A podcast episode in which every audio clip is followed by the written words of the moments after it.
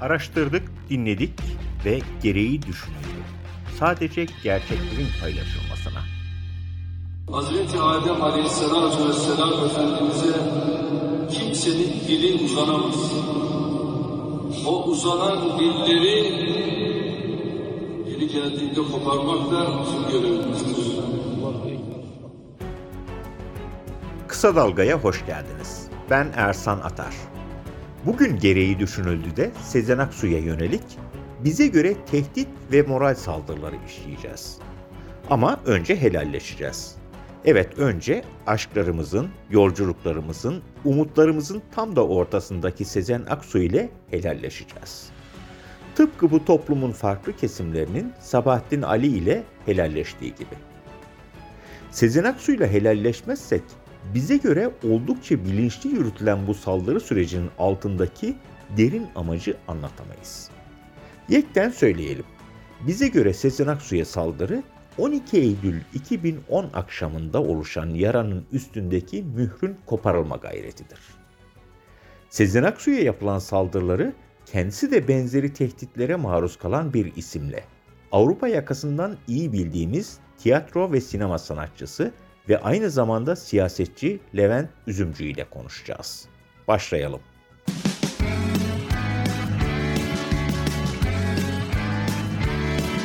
Kulağınız bizde olsun. Kısa Dalga Podcast. Yeniden merhaba. Önce Erdoğan'a sırtını yasladığını hissettiren grubun eylemlerini, ardından ittifakın küçük ortağının açıklamalarını ve nihayet Cumhurbaşkanı Erdoğan'ın dil koparmaya varan sözlerini merkeze alıp sanatçılara yönelik tehditleri işleyeceğiz. Bugün aslında sadece Sezen Aksu'ya yönelik saldırıları, tehditleri konuşmayacağız.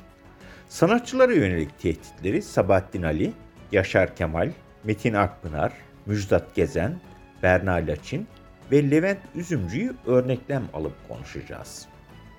Şöyle bir baktığımızda tehditin kimi zaman bir toplumsal grup tarafından yöneltildiğini, siyasetin aygıtlarıyla, devletin diyanet gibi, yargı gibi kurumlarıyla geliştirildiğini görüyoruz. Podcast'imizin girişinde Sezen Aksu'nun adını Sebahattin Ali ile birlikte anmamız bilinçli bir tercihti. Her ikisi de bir bakıma sıkışmıştı. Bu nedenle birlikte andık. Dönemin sol kesimi Sabahattin Ali'yi hiçbir zaman gerçek bir komünist olmamakla eleştiriyordu. Kimine göre sosyalisti ve nihayet Nihal Atsız onu vatan haini olarak ilan edecekti. Belki de bu sıkışmışlık Sabahattin Ali'yi bu ülkeden kaçmak için kendisinin bile milliyetçi emniyet hizmetleri ajanı olduğundan şüphelendiği Mehmet Ali Cimcoz'dan yardım umduracaktı. Konumuz Sabahattin Ali'nin ölümü değil. Onun sisteme ve sistemin temsilcilerine yönelik eleştirileri nedeniyle mahpuslar yatması. Konumuz Sabahattin Ali örneği üzerinden bir yazara, şaire yönelik baskılar. Bir film yönetmeni olsaydınız ve filminizin konusu sanatçılara yönelik baskılar olsaydı, filminizi 70 yıl önceden bugüne bağlarken sekmelerinizden biri ucube heykel olurdu. Dün insanlık kanıtı ucubeydi, bugün yazılan bir şarkı sözleri ucube oluyordu. Birini söyleyen bu ülkenin başbakanıydı, birini söyleyen şimdiki ittifak ortağı.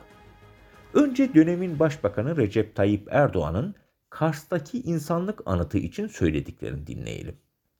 Zaten Mehmet Aksoy tarafından yapılan heykel de Erdoğan'ın bu sözlerinden sonra yıkılacaktı. Değerli kardeşlerim, bir şey daha burada vurgulayacağım. Burada Hasan Harekani Hazretleri'nin hemen yanı başında bir ucube oraya koymuşlar. Bir garip bir şey dikmişler. Değerli kardeşlerim, tabii bu oradaki tüm vakıf eserlerinin o sanatkarane eserlerin olduğu yerde böyle bir şeyin olması düşünülemez. Ve konuyla ilgili olarak belediye başkanımız görevini süratle yerine getirecektir ve bunu süratle bekliyoruz. İnşallah İlk gelişimizde bunu da göreceğiz. Anlayacağınız dün heykeller yıkılıyordu, şimdi iş dil koparmaya varıyordu. Bu nedenle asıl konumuz şimdi ittifak ortaklarının söyledikleri. Ama önce dünlere bakalım. Örneğin Yaşar Kemal'den söz edelim. 1950'de komünizm propagandası yaptığı için tutuklanan Yaşar Kemal, 1990'ların ikinci yarısında yazdıklarıyla bölücülük yaptığı gerekçesiyle yargılandı. Türkiye üzerindeki kara bulutları anlattığı için halkı düşmanlığa tahrikten mahkum oldu. Cezası ertelendi ama o erteli ceza Yaşar Kemal'in başının üstünde hep bir kılıç olarak sallandı. Sanatçı üzerindeki baskının aparatı olarak yargının ağırlıkla kullanıldığını söylersek yerinde olur. Örneğin Metin Akpınar ve Müjdat Gezen. Bu iki sanatçının katıldıkları bir televizyon programında Cumhurbaşkanının toplumu azarlamasından yakınmaları, Cumhurbaşkanına hakaret olarak yorumlanıyor ve haklarında 4 yıl 8'er ay kadar hapis sistemiyle dava açılıyordu. Ve bu davanın açılması öyle kolay değildi. Ülkenin Adalet Bakanı'nın izni gerekiyordu ve bakan bu izni vermişti. Bunu niye anlatıyorsunuz? Sonu beraatle bitmedi mi? diyebilirsiniz. Ama bir an şöyle düşünün.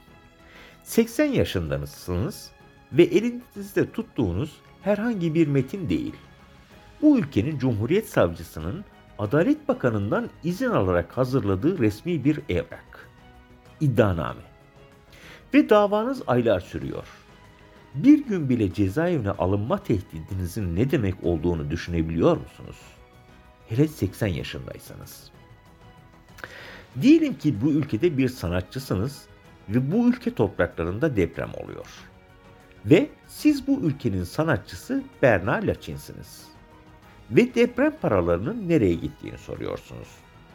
Ertesi gün kalkıyorsunuz ve bu ülkenin koca koca gazetelerinde Ankara Başsavcılığınızın hakkınızda soruşturma başlattığını görüyorsunuz. Diyelim ki isminiz Berna Laçin ve idama karşısınız. Ve bunu idam çözümü olsaydı Medine toprakları tecavüzde rekor kırmazdı. Devlet tribün sesiyle toplum inşa edemez diyorsunuz. Bu kez halkın dini değerlerini aşağılamakla suçlanabiliyorsunuz. Diyelim ki bu ülkede sanatçısınız ve adınız Levent Üzümcü. Tam da sanatçıların içinde bulunduğu durumu özetliyorsunuz. Anayasayı hatırlatıyorsunuz. Ve bu hatırlatmayı sanatçı benzetmesiyle Ak MHP'ye yapıyorsunuz. Sahne sanatları yoğun bakımda. Türkiye'nin %60'ını yönetmekle övünenlere anayasayı uygulamaya çağırıyoruz diyorsunuz. Bu ülkenin savcısı da sizi ifadeye çağırıyor. Ve savcı soruyor. Sosyal medyadaki bu paylaşımlarınızla halkı kin ve nefrete sevk ettiğiniz değerlendirilmektedir. Neler söyleyeceksiniz? Bir değil, iki değil. Kimi zaman da Cumhurbaşkanına hakaretle suçlanıyorsunuz. Ve emek verdiğiniz devlet tiyatrolarından kovuluyorsunuz. Evet, Levent Üzümcü ile birazdan uzun uzun konuşacağız ve asıl konumuza geleceğiz. Sezen Aksu'yu ve Sezen Aksu'ya yönelik tehditleri konuşacağız. Kulağınız bizde olsun.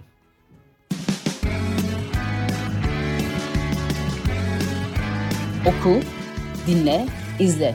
Kısa Dalga.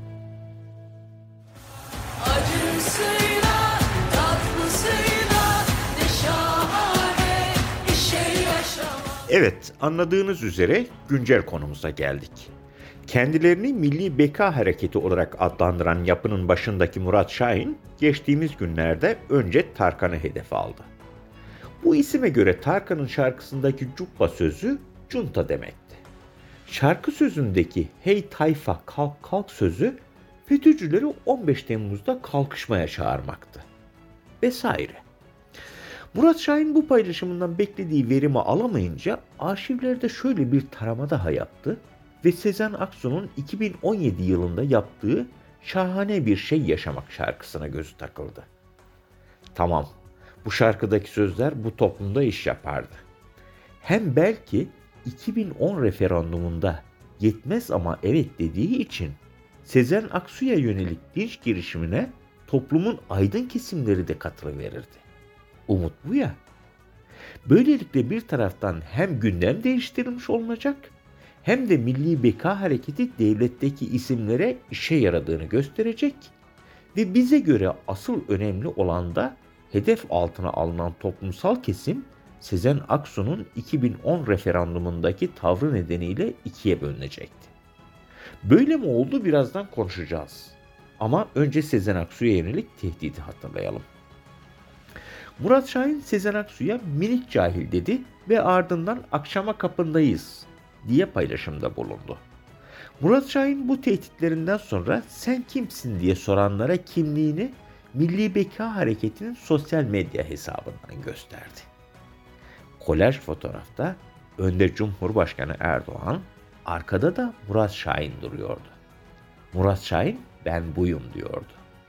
Ve Cumhurbaşkanlığı İletişim Başkanlığından ne yapıyorsun Sayın Cumhurbaşkanı'nın fotoğrafını böyle kullanamazsın diyen yoktu. Ertesi akşam ne oldu? Murat Şahin yaklaşık 20 kişiyle Sezen Aksu'nun evinin olduğu sokağa vardı ve o ana kadar sosyal medyadan yazdıklarını sesli tekrarladı. O sesleri not düşmemiz gerektiği için aktarıyoruz. Bugün burada toplanmamızın sebebi Sezen Aksu'nun yazmış olduğu bir şarkının içinde geçen Selam söyleyin o cahil Adem ile Havva'ya sözlerine tepki vermek, insanlığın atası olan ilk peygamber Hazreti Adem aleyhisselame ve Hazreti Havva annemiz aleyhisselame alene, alenen aşağılanmasına karşılık bu minik cahile haddini bildirmek için burada toplamış bulunmaktayız. Şimdi de Yüce Allah'ın yarattığı ilk insan olan Hazreti Adem aleyhisselame ve Hazreti Havva aleyhisselame kabul etmemizin mümkün olmayan sözlerle aşağılamaya çalışmıştır. Maalesef görüyoruz ki bu ülkenin bazı sözde sanatçıları bu ülkede sanat yaptığını zannederek milli ve manevi damarlarımızı tıkamak, dini değerlerimize de hakaret etmek için birbirleriyle yarış içine girmişlerdir. Murat Şahin ve Milli Beka Hareketi kullanışlılığını kanıtlamaya çalışıyor, başkaları da sosyal medya hesaplarında boy gösteriyordu. İyi de Diyanet İşleri Başkanlığı'nın böyle bir şeye ihtiyacı da yoktu. Daha önceleri alkol ve LGBT'lilerle ilgili tartışmalarda söz söyleyen Diyanet İşleri Başkanlığı şimdi de isim vermeden Sezen Aksu'nun 4 yıl önceki şarkısı ile ilgili tartışmaya girmişti. Diyanete göre Sezen Aksu'nun yaptığı dini şahsiyetlerle ilgili özensiz tutumdu ve en hafif tabirle saygısızlıktı. Maksadı, niyeti, bağlamı ne olursa olsun İslam'ın seçkin, önder ve örnek şahsiyetlerine dair söylenen her cümlede, yapılan her açıklamada ve yaklaşımlarda son derece hassas ve dikkatli olunması gerekirdi. Diyanet İşleri Başkanlığı böyle diyordu. Kendini ispat etmeye çalışan yapılarla Diyanet'te bunlar oluyordu da siyasette ne oluyordu? Cumhur İttifakı'nın ortağı MHP'nin Genel Başkanı Devlet Bahçeli meclis kürsüsünden bildiğimiz ses tonu ve el hareketleriyle şunları söylüyordu.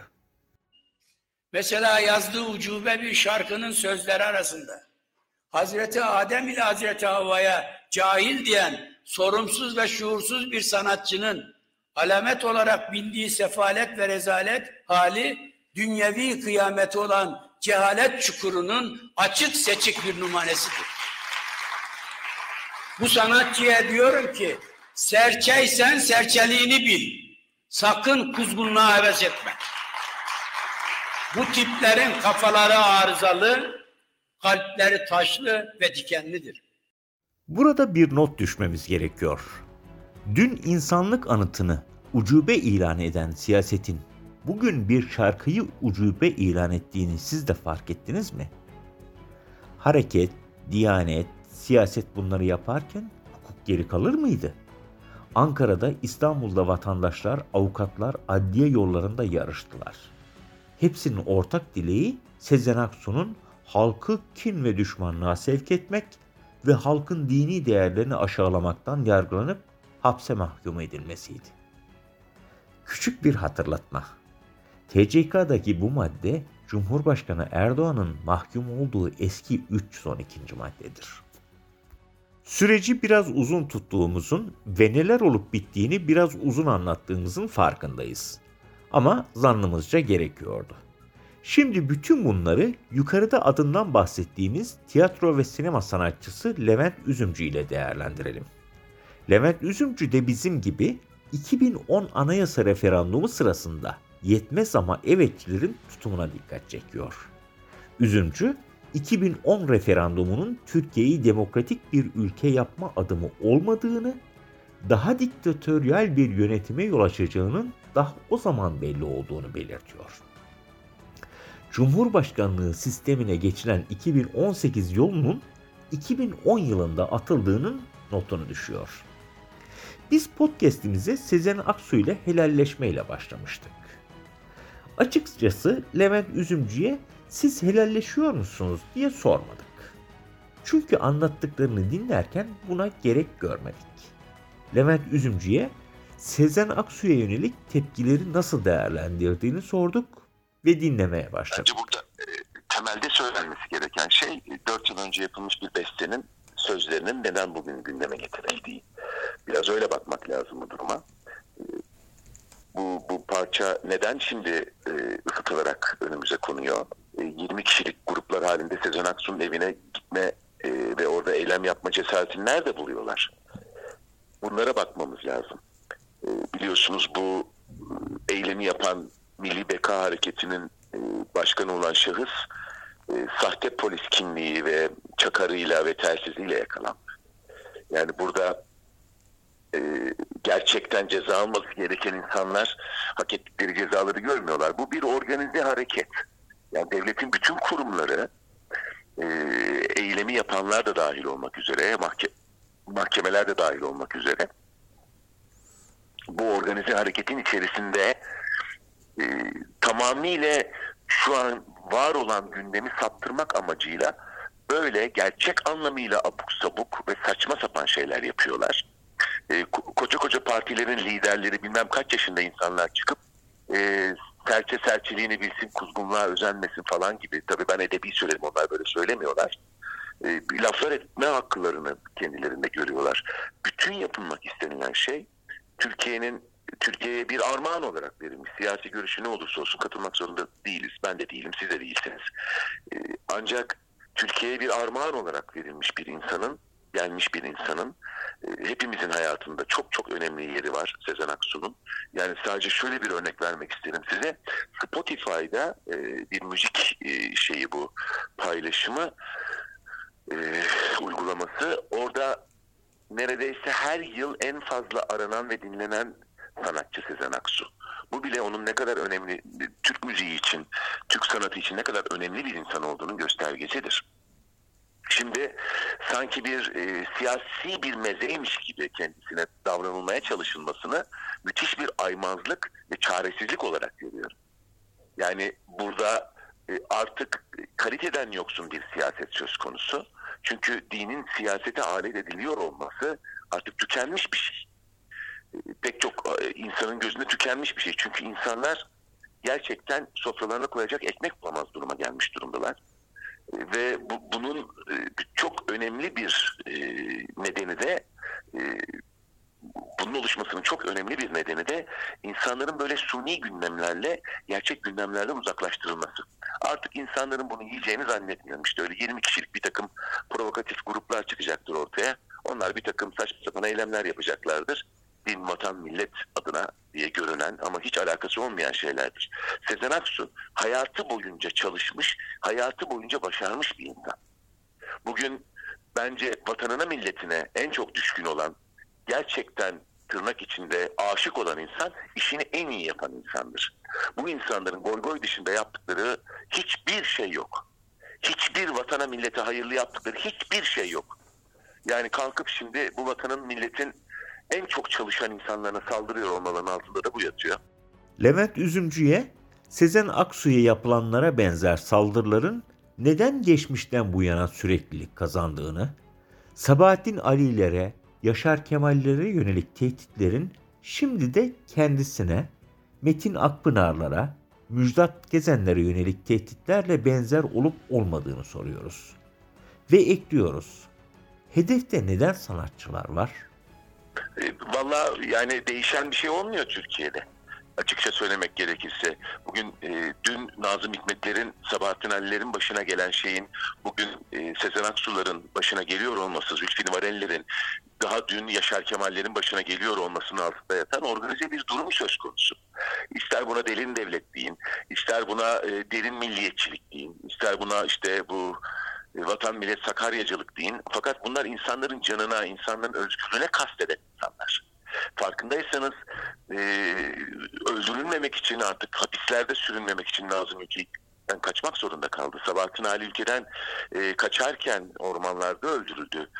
E, işte bu- bunlar bu yaşananlar Yaşar Kemal'in başına gelmeyen kalmadı. Yine e, işte hani siyaseten katılıp katılmamak durumundan uzaklaşmış durumdayız artık. Yani Orhan Pamuk'u beğeniyor ya da beğenmiyor olabilirsiniz ama Orhan Pamuk da buna benzer e, şeyler yaşıyor. Burada sanatçılara bu tarz davranışlar her zaman için e, onların kendi içinde bulundukları durumu başkalarıyla paylaşması, popülariteleriyle ilgili, e, etki alanlarıyla ilgili bir korkunun sonucunda oluyor. Nazım Hikmet'te zamanında Türkiye'de yaşayan sosyalistlerin, Türkiye'de yaşayan komünistlerin sesi olması ve aydınlık bir Türkiye istiyor olmasıydı dokunan şey. Bugün ise dokunan şey e, işte Sezen Aksu'nun yaptığı açıklamayla yani Sezen Aksu'nun yapmış olduğu besteyle o besteyi meze ederek kendilerine gündemi değiştirme çabası. Yani her iki yönden de kazan kazan durumundalar. Yani bugün Türkiye'de suni gündem oluşturarak sanatçıları kullanıyorlar.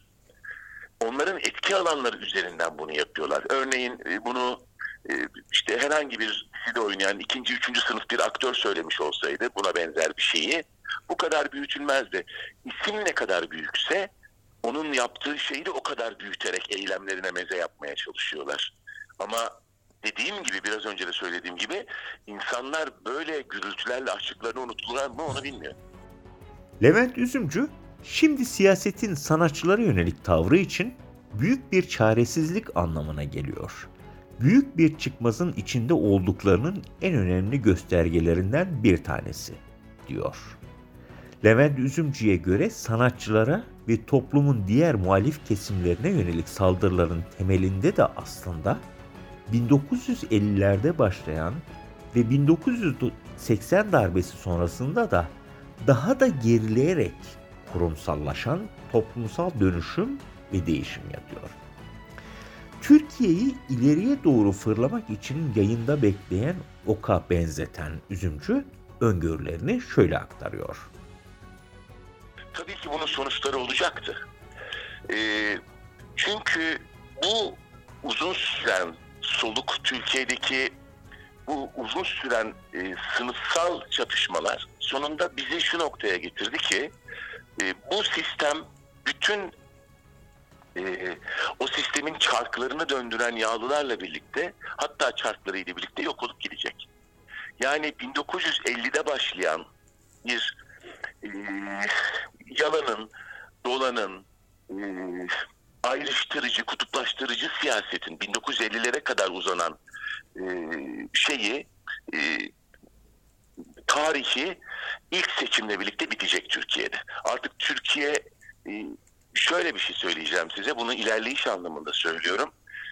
E, gerilmiş bir yaydaki ok gibi Türkiye. İleriye doğru fırlayacağını düşünüyorum ben Türkiye'nin. Açık açık söyleyeyim ben buna gerçekten inanıyorum. Çünkü çok fazla baskılandı Türkiye.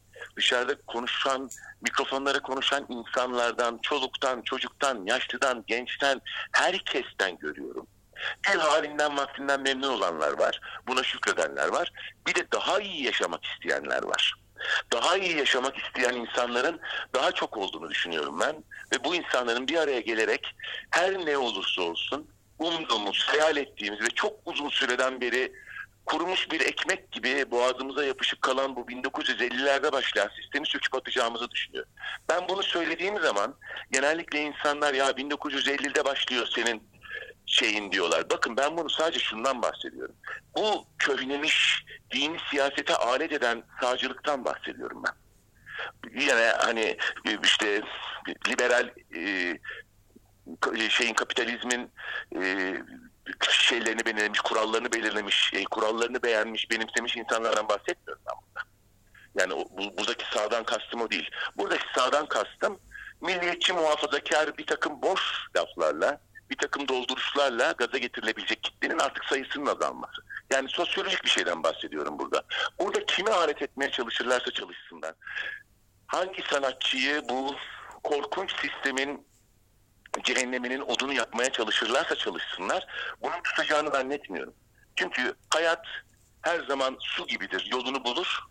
Türkiye Cumhuriyeti'ni artık 1950 kafasıyla yönetmenin hiç kimsenin faydası yoktur. Bunu da dediğim gibi önümüzdeki ilk seçimlerde göreceğimizi düşünüyorum ben.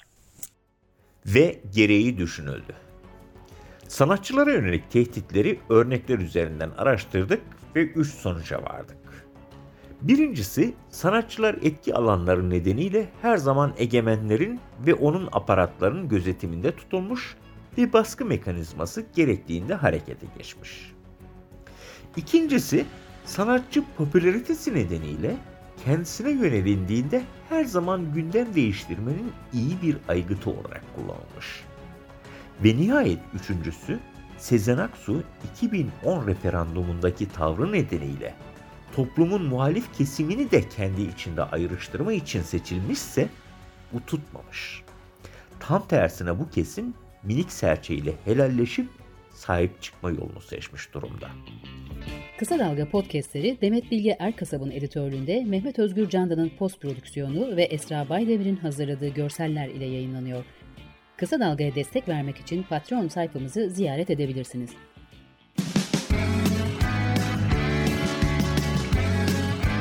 Oku, dinle, izle. Kısa Dalga.